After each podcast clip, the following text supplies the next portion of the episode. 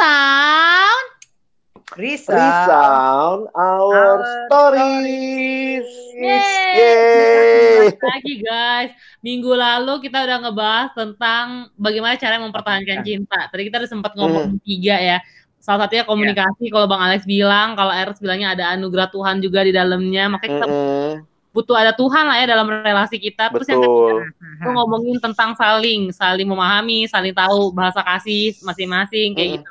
Ah, kira-kira teman-teman sudah melakukan? Cielah. Mungkin ada banyak aspek aspek lain kali ya, Bang, tapi kan eh, mungkin Iya. jadi salah satu bagian yang penting juga untuk eh, Itu perjuangan Nov seumur nah, hidup. bener.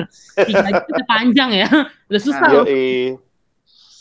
Tapi kayak minggu lalu yang eh, kita udah sempat bahas adalah gimana seandainya kata kita udah berusaha untuk mempertahankan cinta, tapi di tengah jalan sebelum kita menikah nih ada realita yang kita dapati pasangan kita selingkuh. Ya misalnya entah ceweknya atau enggak cowoknya. Nah kira-kira menurut Jeng jeng jeng. Iya, langsung ada musiknya ya. Nanti tolong ya editor ya. Ada suara background Ada, background kita nggak punya editor. Langsung ada suara ini tahu Nas yang ku menangis. Oh, iya. Bayangkan. Gue banget. kebayang ya drama banget ya. Iya. Tapi itu realita Nov. Ya terus tuh gimana bang kira-kira bang? Kalau menurut lo? Kalau gua harus ngelihat dulu. Maksudnya eh, lihat dulu kasusnya, konteksnya. Karena gue pikir sih eh, selalu ada yang menyebabkan. Dan menurut gua itu yang harus dicari lebih dalam, lebih dasar sehingga salah satu pihak harus ditolong atau dia dua-duanya kali ya kalau mungkin kita bicara eh, realita perjalanan bersama. Jadi gue jujur aja kalau gue ngalamin atau melihat kasus yang seperti itu atau ada yang datang ke gue dengan cerita seperti itu, gue gue punya prinsip. Mhm. Tapi gue juga mesti mesti apa ya denger denger ceritanya lalu dari situ nanti kemudian memberikan saran. Tapi ya balik lagi ya harus mereka yang memutuskan dari saran-saran itu sih. Nanti nanti gue coba jelasin. Tapi gue pengen denger juga kalau Ernest gimana ngelihatnya? Ini kalau menurut gua kasus yang sensitif gitu ya. Maksudnya kita nggak nggak ini sangat nggak hitam putih sekali menurut gua dalam artian begini. Kadang-kadang waktu orang selingkuh ya gua walaupun eh, gua belum pernah mencoba dan mengalami Ah, gue juga Anda nggak mau. Maksudnya gitu ya. Cuman gua belum kadang-kadang pernah ngalamin situasi kayak gitulah ya. ya ah, diselingkuhin maksudnya. Tapi ada. Cuman gue mikir terus. gini sih, apa eh, kadang-kadang eh, seolah-olah tuh ke eh, kalau denger cerita orang-orang kelihatannya itu tuh terjadi begitu aja, it just happen tiba-tiba seperti itu. Gue Mm-mm. nggak pernah Mm-mm. dari awal rencana kok selingkuh dan lain sebagainya, tapi gue kecewa sama pacar gue dan lain sebagainya. Akhirnya gue eh, selingkuh dan lain sebagainya. Gue nggak mau dari awal kayak gitu, tapi entah kenapa Mm-mm. seolah-olah nggak punya resistance untuk menolak kayak gitu. Nah gue setuju sih dengan yang Bang Alex bilang. Kita masih punya prinsip kayak gitu. Masih punya pakem-pakemnya eh, kita eh, tahu kayak gitu kalau itu sebenarnya nggak nggak baik ya kayak gitu. Dan juga itu pasti akan menyakiti hati entah hati yang selingkuh dan juga yang diselingkuhin kayak gitu. Itu pasti Iya. saling menyakiti satu dengan yang lainnya. Tapi gue setuju juga tuh dengerin dulu kayak gitu. Dengerin dulu eh kenapa bisa terjadinya seperti itu? Mungkin kalau misalnya antara relasi itu pasangan itu dari baik, baik yang selingkuh atau diselingkuhin itu eh, nggak bisa komunikasi lagi dengan lancar ya pastilah ya wajar lah pasti Iya. karena saling menyakiti satu dengan yang lainnya. Tapi bisa cari orang-orang yang yang lebih dewasa kayak gitu yang tadi Bang Alex bilang nanya saran-sarannya, pertimbangannya baru setelah itu ngambil keputusan sih. Cuman setiap orang beda-beda tuh hasilnya kayak gitu. Mm. Eh, nggak bisa semua dipukul rata. Oh lu harus terima dia. Oh lu harus tolak dia semua pokoknya. Nah yang kayak gitu-gitu tuh menurut gua tuh per kasus mesti ngelihatnya sih seperti itu. Hmm. Nah, Nggak tahu Nov ini kalau ya, kalau kalau cewek kali ya, Nov, gimana lu ngelihatnya sebenarnya secara prinsip buat lu kayak apa tuh? Iya. Tapi sebelum gue menjawab, mungkin eh, kalian pernah baca quote gini gak sih guys di Apa di tuh? tengah perselingkuhan biasanya eh bukan gini sel- eh, nggak selamanya pelakor itu menjadi eh, pelaku utama. Maksudnya dia menggoda, tapi kadang emang ada aja Hmm. gitu. Misalnya mereka suka ngasih ilustrasi gini, nggak mungkin ada orang bisa masuk kalau pintunya nggak dibuka. Pernah baca nggak sih? Pokoknya kayak gitu deh kira-kira Hmm. ya. Ya. jadi intinya pelakor tuh belum tentu jadi biang masalah bisa aja emang cowoknya atau enggak ceweknya yang ngegodain dulu sampai akhirnya ada perselingkuhan hmm.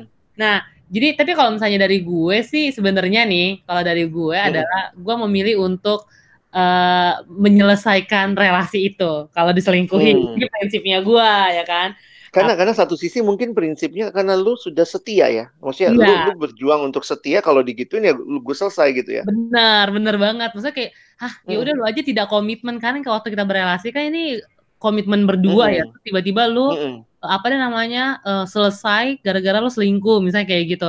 Kenapa waktu lu selingkuh nggak putusin aja misalnya ya udah deh gue kayak udah nggak udah nggak bisa sama lu ya kita putus aja ya. Gue sangat hmm. akan mengapresiasi orang yang seperti itu gitu kan.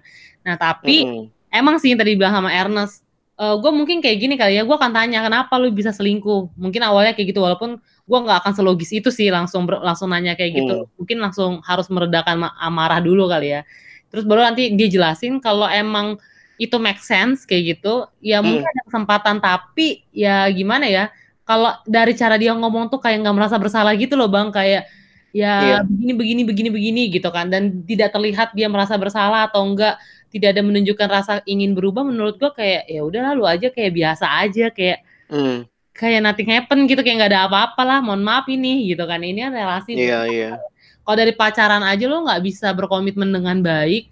Gimana nanti one day ketika berkeluarga itu kan komitmennya lebih susah ya. Karena setahu gue kan hmm. dalam pernikahan itu kan bukan cuman sekedar cinta doang gitu. Tapi kan komitmen. Tapi dari pacaran aja lo nggak bisa berkomitmen dengan baik gitu sih menurut gue jadi kayak nggak okay. ada kesempatan kedua. Kalau misalnya dia emang dari cara ngomong, cara menjelaskan itu benar-benar kayak ya ya karena gue hilaf hilafnya tapi nggak jelas lu beneran hilaf atau tapi hati-hati ini juga sih Nos banyak hmm. yang bisa main drama loh sekarang kesannya kayak nyesel tapi ya enggak sih. gitu Nes iya ya. Nes ya ah, betul, betul, bener betul. banget sih tapi makanya itu kan perlu perlu tahu lah makanya baik lagi ke, kayak kemarin kita ngebahasnya bener-bener yeah. tahu pasangan kita harus seperti apa kan tapi gue jadi mungkin sih gimana Enes duluan jadi jadi mungkin mungkin salah satu hal yang ketika ada orang gitu yang datang udah selingkuh dia ya kayak gitu dia hmm. datang ke pasangannya minta maaf dan itu minta maaf dan beberapa mungkin gue yakinnya ya mereka sadar itu salah dan mereka minta maaf hmm. serius kayak gitu tapi akhirnya suatu ketika ngulangin lagi kayak gitu. Nah itu kan menurut gue kayak bercanda gak sih?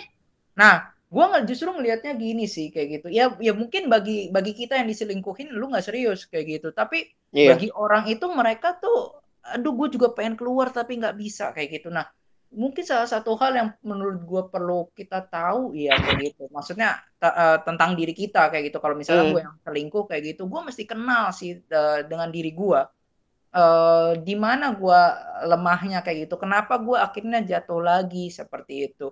Nah menurut gue hmm. itu sih yang yang akhirnya mungkin walaupun gue nggak bisa jamin 100% akhirnya itu menolong orang itu nggak nggak terjaga jadi im, imun sekali gitu. Jadi nggak nggak mungkin mm, selingkuh lagi. Tapi minimal bisa bisa meminimalisirkan kayak gitu kesempatan-kesempatan itu. Jadi dia dia mesti kenal juga akan akan dirinya kayak gitu. Kenapa bisa selingkuh dan lain sebagainya. Nah itu mungkin penting juga sih kita tahu sih menurut gua. Iya iya. Kalau gue ngelihatnya akhirnya begini kali ya. Uh, nggak tahu nih secara umum apakah kita setuju bahwa sebenarnya kesempatan kedua tuh ada. Iya, kesempatan kedua pasti ada sih. Uh, pasti ada, kita setuju kan? Tapi hmm. jangan karena kita setuju kesempatan kedua itu ada, hmm. lalu itu jadi jadi uh, pembenaran untuk nggak apa-apa lah, untuk hmm. nggak hmm. jaga kekudusan, nggak jaga komitmen. Gue iya, pikir, yeah, yeah. gue inget ilustrasi itu ya, ketika misalnya ada satu anak yang lakuin salah gitu, terus kemudian setiap kali dia bikin salah, papanya papanya suruh dia maku maku di kayu gitu ya, oh, coba paku. Uh -uh. Jadi setiap kali dia bikin salah, paku gitu ya. Mm-hmm. Nah, lalu kemudian uh, sesudah itu papanya kasih ilustrasi gitu ya bahwa ya semua kesalahan dia emang salah. Nah, waktu dia bertobat sungguh-sungguh terus papanya ilustrasinya dia cabutin tuh paku. Wah, anak itu jadi rilis, wah asik nih, diampuni nih. Tapi kemudian papanya manggil dia lagi, terus papanya bilang, lihat nggak, bahwa sudah ada bolongan-bolongan di situ. Hmm. Jadi kesempatan kedua itu sebenarnya tidak menghilangkan konsekuensi. Konsekuensi bahwa mungkin kita nggak dipercaya lagi, kita dianggap nggak. Jadi kita nggak bisa ngontrol pikiran orang. Gue udah berubah nih, ya nggak hmm. bisa kalau kita Waktu udah pernah melakuin. Ya? Mm -mm. dan itu bagi gue uh, istilahnya apa ya sesuatu yang akan kita bawa hmm. dalam perjalanan kita jadi makanya mungkin jangan sampai kita salah ambil keputusan jangan main-main dengan kekudusan hidup begitu saya hmm. yakin pasti Tuhan mengampuni tetapi juga konsekuensi yang ada baik yang kita alami keluarga kita alami pasangan kita alami itu akan menjadi konsekuensi yang tentunya akan me menyakitkan ke depan sih. Kalau gue yeah. ngeliatnya gitu. Mm-hmm. Jadi menurut jadi intinya keputusannya kayak kita kita akan ngasih kesempatan tapi lihat dulu kali ya. Maksudnya apakah kesempatan ini benar-benar digunakan dengan baik? Tapi kalau misalnya pasangan kita kayak satu nggak mau berus berusaha untuk berubah kedua dia juga kayak main-main dengan pertobatannya dia hmm. dan terus-terus ngelakuin menurut gue jadinya coba tanya lagi sih apakah lo benar-benar mau komitmen dan uh, relasi yang serius? Dan kita juga sama-sama doakan apakah dia pasangan hidup yang ya Tuhan kasih iya, yang tepat. kita jangan sampai kayak hmm. bisa dengerin kita tadi kita ngomong ya kasih kesempatan kedua eh akhirnya berpikir kayak yaudah deh kasih kesempatan kedua tahu dia jadi pasangan gitu kita tapi dia kita kita nggak ngeliat ada perubahan signifikan gitu dan one day waktu gue gue takutnya gini juga kali Nov karena Apa? sekarang tuh kayak di media massa dengan hmm. para para selebriti yang kayaknya gampang banget gitu yang ngomong uh, hmm. apa ya umbar janji jadi kayak hmm. budak cinta banget jadi kita kalau ngelihatnya begitu sebenarnya jangan sampai kita jadi apa ya kadang-kadang aku ngeliat kan generasi ini ngeliat ih hebat ya dia kasih kesempatan kedua mm-hmm. padahal pacarnya nggak berubah gue pikir itu mempermainkan komitmen yeah. mm-hmm. itu itu yang bagi gue justru jangan dipuji tapi harus kita kritisi gitu kira-kira hmm. gitu sih sebenarnya itu sih gue juga mikirnya apa kayak kayak emang ada susah ya kayak kasus-kasus kayak gini kadang mungkin kita uh, maafkan kayak gitu. Tapi gue nggak mau lagi gitu sama lo kayak gitu. Itu juga nggak uh, masalah sih buat gue yang penting kan iya. itu udah kita kasih juga kan.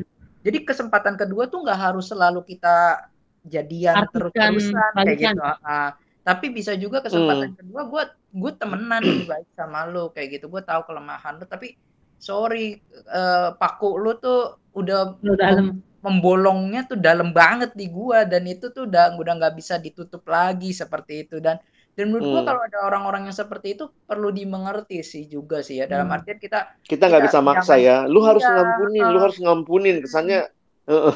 Jangan jangan terlalu cepat akhirnya bilang ini orang yang selingkuh salah ya. Pasti salah sih kayak gitu. Cuman uh, yeah.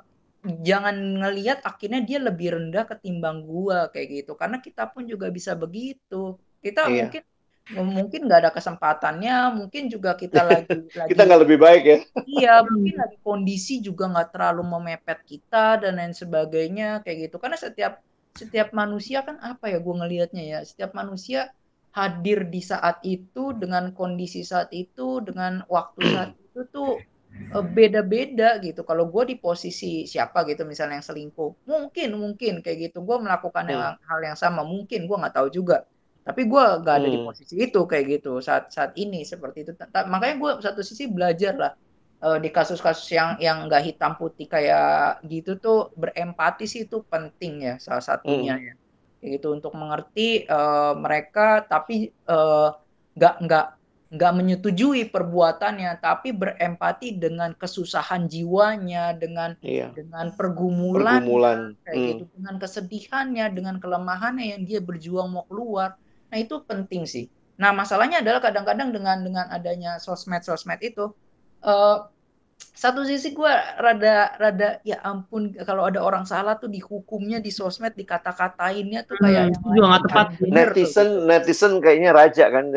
Iya, bully netizen tuh serem. Uh, mendingan kalau misalnya memang nggak nggak lebih kudus dari Tuhan Iya, kalau nggak bisa menunjukkan simpati kayak gitu, mendingan ya diem aja kayak gitu. Karena lu bukan orang terdekatnya dia kayak gitu gitu lah. Tapi gue setuju sih dengan yang uh, Bang Alex bilang kayak gitu uh, apa tuh karena ada beberapa selebgram selebgram juga atau selebriti yang akhirnya tuh nik apa nikah tapi udah punya anak duluan akhirnya hmm. kelihatannya baik aja kayaknya kita boleh kayak gitu nah itu tuh nah itu gue tambahin Makanya, satu sebelum sebelum coba kita move ke next topic ya gue yeah. pikir sih di sini juga butuhnya kita punya orang-orang yang lebih dewasa kali ya menolong kita juga apa mengawasi, menemani perjalanan hmm. relasi kita.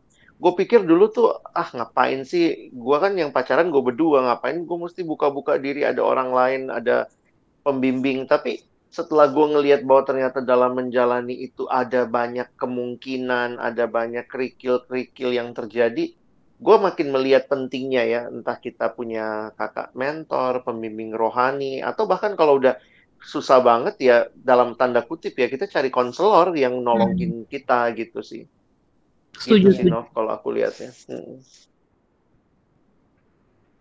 Nah, setelah ini kan kita kan lagi ngebahas tadi kayak topiknya dari dari mempertahankan cinta, terus akhirnya jadi mm-hmm. ngomongin tentang perselingkuhan. Nah, gimana seandai kata nih? Teman-teman pernah dengar kata-kata FWB gak? Uh, Aku udah briefing kemarin nih, FWB. Kenapa? Iya, iya, iya. Friend with benefit tuh. Nah, ini juga sempat hit di zaman sekarang. Ya, mungkin hitsnya udah udah sering terjadi tuh di be beberapa waktu lalu ya, udah udah udah ada gitu hmm. bertahun-tahun. Tapi udah mulai booming lagi tuh di zaman-zaman sekarang.